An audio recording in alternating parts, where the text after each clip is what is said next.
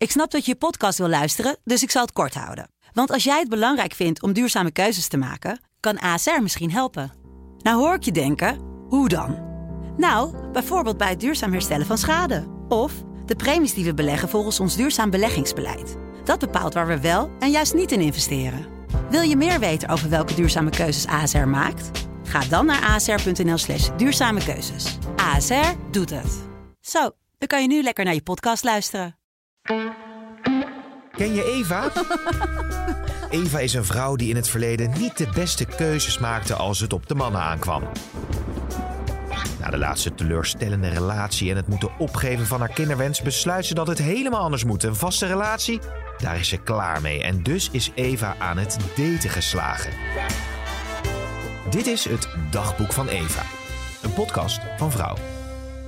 Maandag. Ik heb me niet aan de deal met Roy gehouden.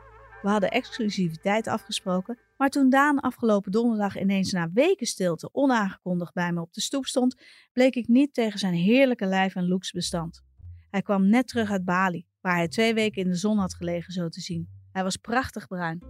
Hé, hey, schoonheid. Het is me veel te stil tussen ons de laatste tijd. Ik was in de buurt en het leek wel alsof ik als een magneet naar je huis werd getrokken. Ik wil seks met je, nu. Ik was overdonderd. Ik had Daan al min of meer uit mijn systeem gewerkt. Het was leuk, het trio dat eruit voortvloeide had ook wel iets, maar blijkbaar werden we allebei in beslag genomen door iets of iemand anders. En nu stond hij hier dus ineens met zijn goddelijke lijf. Het was alsof hij de temperatuur in mijn huis ineens 10 graden omhoog schroefde. Ik had ook zin in hem. Het zou alleen niet te lang mogen duren. Ik wilde even de spanning voelen van seks hebben met Daan, terwijl Roy in theorie zomaar binnen zou kunnen lopen. Ik trok Daan aan zijn jas naar binnen. Seks is prima, maar ik wil over een uur slapen. Alleen, zei ik, niet geheel subtiel. Daan gaf me een zoen op mijn mond. Dat is goed. Maar dan wil ik nu wel iedere minuut van dat uur benutten. Roy kwam niet binnen. Sterker nog, Roy reageerde die avond en die nacht niet op het sms'je dat ik had gestuurd. Pas de volgende ochtend stuurde hij iets terug. Het blijft door mijn hoofd spoken dat hij die avond bij een andere vrouw was. Maar wie ben ik om daar iets over te zeggen? Ik lag ook niet bepaald beschaafd in bed een boekje te lezen. Woensdag. Wat doe jij vrijdagavond? hebt Roy. Ik weet meteen waar Roy op aanstuurt. Hij wil naar die parenclub. Ik ben daar nog niet aan toe. Echt niet. Het speelt ook zeker een rol dat ik het vermoeden heb dat ik niet de enige vrouw voor hem ben. Ik ga niets doen waar ik niet helemaal achter sta, heb ik me voorgenomen. Vrijdagavond ben ik thuis, reageer ik. Er komt razendsnel een antwoord. Mooi, dan ben ik daar ook. Ik blijf bij je slapen. Maar ik beloof je nu al dat van slapen weinig terecht gaat komen. Die man heeft een onweerstaanbare aantrekkingskracht op mij. Daar waar ik net nog een beetje afstandelijk had willen doen, ben ik weer als was in zijn handen. Dinsdag. Ik heb het vrijdag aangekaart. Gewoon op de man afgevraagd. Heb jij het sinds onze afspraak nog met een andere vrouw gedaan? Ik zag direct aan zijn reactie, aan de blik in zijn ogen, dat dit niet het geval was. Of hij is een verdomd goed acteur. Dat kan ook. Hij stelde de vraag ook aan mij. Dat had ik natuurlijk kunnen verwachten. Ik weet niet of ik het net zo overtuigend heb weten te brengen als hij deed, maar hij slikte mijn antwoord zonder probleem. Wat had ik dan moeten doen? Hem moeten zeggen dat ik seks had gehad met een oude bekende? Ik heb ook recht op mijn geheimen. En daarbij, het is maar een afspraak die we samen hebben gemaakt. We hebben geen relatie. Dan zou ik er totaal anders in staan. Het was ontzettend fijn om een nacht met hem door te brengen. We hebben het drie keer gedaan. We kunnen gewoon geen genoeg van elkaar krijgen. Alles klopt als wij het doen. We voelen elkaar aan als een stel dat al tien jaar samen is. Alleen bij ons is de seksuele spanning nog volledig aanwezig.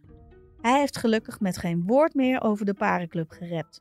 Maar ik voel aan alles dat dit echt nog wel een keer gaat gebeuren. Vanavond komt hij even een wijntje doen.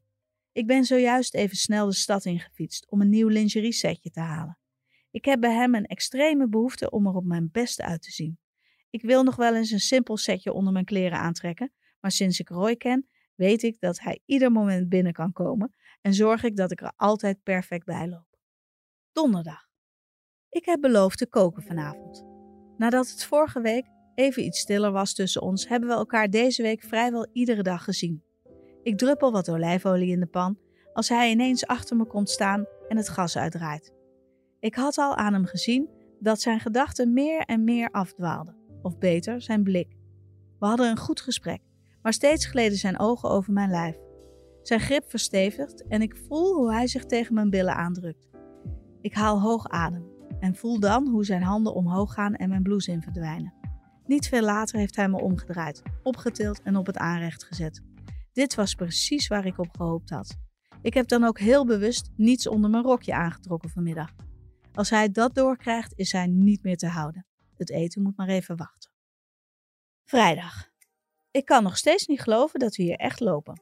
Twee dagen geleden wist ik nog van niets, was ik nog gewoon druk met mijn werk en nu loop ik in een wit zomerjurkje in Saint-Tropez. Ik kwam woensdag thuis en zag direct de twee tickets op tafel liggen. Een lang weekend Nice, maakte ik eruit op. En aan de naam op het andere ticket zag ik dat ik met Roy zou gaan. Ik had me omgedraaid om mijn telefoon te pakken toen ik hem ineens zag zitten in de hoek van de kamer. Ik schrok en het gaf me, ondanks dat ik niets geks had gedaan, een betrapt gevoel. Ik wilde je reactie zien, zei hij. Ik wist even niet wat ik moest zeggen. Een lang weekend Nice. Waanzinnig natuurlijk, helemaal met Roy. Maar ik moest deze onverwachte planning nog wel even verwerken. Hij was inmiddels achter me komen staan en had zijn handen iets wat dwingend om mijn middel gelegd. Ik heb een geweldig hotel voor ons geboekt. Ik kom er regelmatig voor mijn werk en ik ken er de beste restaurants. We gaan naar Saint-Tropez en doen Monaco een dagje aan. Je hebt wel wat ontspanning verdiend. Je werkt veel te hard. Die laatste opmerking gaf de doorslag. Ik was de laatste weken inderdaad vreselijk druk met een project en er zat nu eindelijk weer een beetje ruimte in mijn schema. Ik kon best een paar dagen weg. Het hotel waar Roy het over had is inderdaad geweldig. Maar misschien heb ik dat beeld wel omdat hij mij ook direct bij binnenkomst op het bed gooide en we de kamer pas uren later weer verlieten. Zondag. We liggen op een privéstand op een prachtig groot hemelbed dat omgeven is door transparante gordijnen. Ik zou hier de rest van mijn leven wel kunnen blijven liggen. De wind waait zachtjes, het is niet te warm en terwijl ik lekker lig weg te doezelen, voel ik Roy's vingers heel zachtjes over mijn lijf gaan.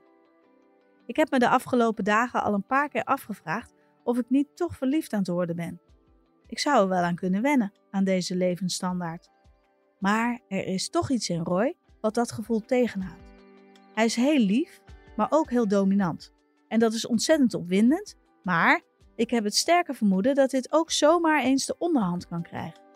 En hoe fijn ik het ook vind een sterke man naast me te hebben, ik wil wel op gelijke hoogte blijven staan. Ik voel Roy's vingers langzaam verdwijnen achter de rand van mijn bikinibroekje. Ik doe net alsof ik slaap. Woensdag. Roy wil vrijdag met mij naar de parenclub. Hij appte het een paar uur geleden en ik heb nog steeds geen antwoord gegeven. Ik ben best wel wat gewend op dit gebied, maar dit is een stap die ik niet snel uit mezelf zou nemen. Sterker nog, ik weet helemaal niet of ik het wel ga doen.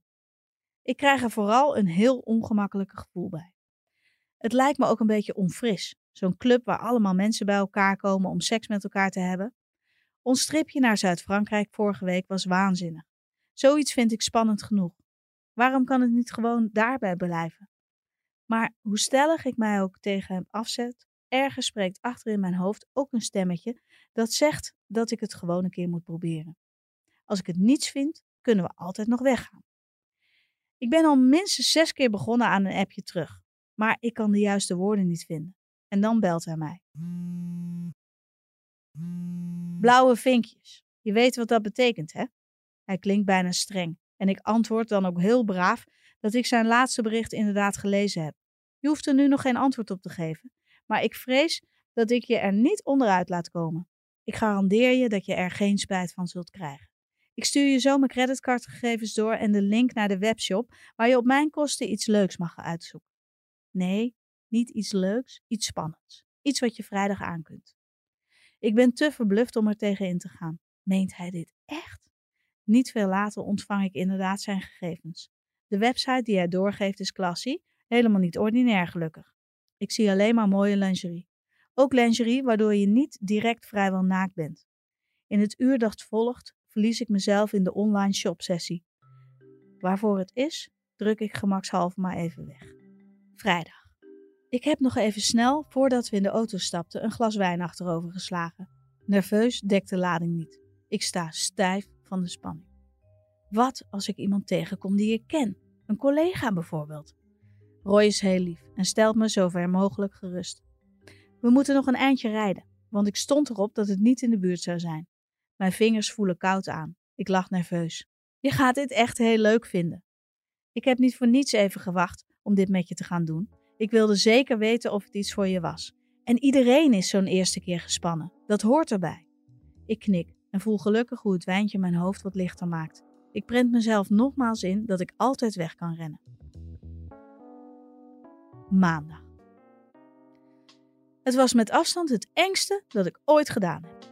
De stap over de drempel van de parenclub maakte mij letterlijk misselijk. Ik zakte bijna door mijn knieën van de zenuwen. Roy was heel lief, maar zeker niet op een zoetsappige manier. Hij nam de leiding, precies op de manier waar ik zo op val. Ik kreeg de indruk dat hij het personeel kende.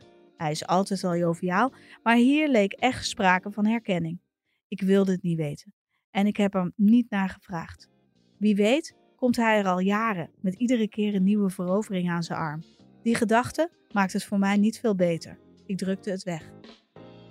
We namen plaats aan de bar en dat kon gelukkig nog gekleed. Ik had wel een vrij bloot jurkje aan, maar een enkeling liep al in lingerie rond. Ik sloeg in vrij rap tempo twee wijntjes achterover.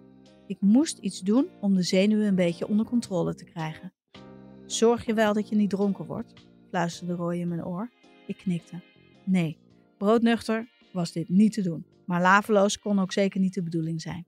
Ik moest mijn hoofd er nog een beetje bij houden. Tegen middernacht ontstond er een extreem erotisch sfeertje.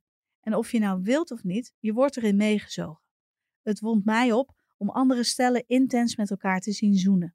We hadden afgesproken dat we niets met anderen zouden doen en de seks zouden bewaren tot thuis. Of beter, dat had ik afgedwongen bij Roy. Dat waren mijn voorwaarden. Roy hield zich er keurig aan. We waren echt samen, maar tussen al die mensen. Zo nu en dan werden we wel aangesproken, maar niemand drong zich op. We hebben het niet gered tot thuis. Op de terugweg hebben we de auto ergens geparkeerd en de ramen laten beslaan. Donderdag. Wil je er nog een keer heen? Ik wist dat deze vraag zou komen. Ik heb er de afgelopen week veel over nagedacht. Ja, ik wil er nog een keer naartoe. En dan weet ik dat we een stapje verder zullen gaan. Het wil in mijn hoofd nog niet helemaal rijmen met mijn fatsoen. Het klinkt zo ordinair, een parenclub. Maar wat was het spannend? Ik denk het wel, antwoord ik dus voorzichtig. Roy's ogen glinsteren. Ik wist het. Ik ken je inmiddels een beetje. We gaan nog een keer beloofd, maar wel pas over een tijdje. Ik wil je eerst weer even volledig voor mezelf hebben. Ik zag die andere mannen kijken en dat maakt me toch wel jaloers. Zijn woorden geven me een speciaal gevoel, die exclusiviteit. Daar lijkt hij zich echt aan te houden.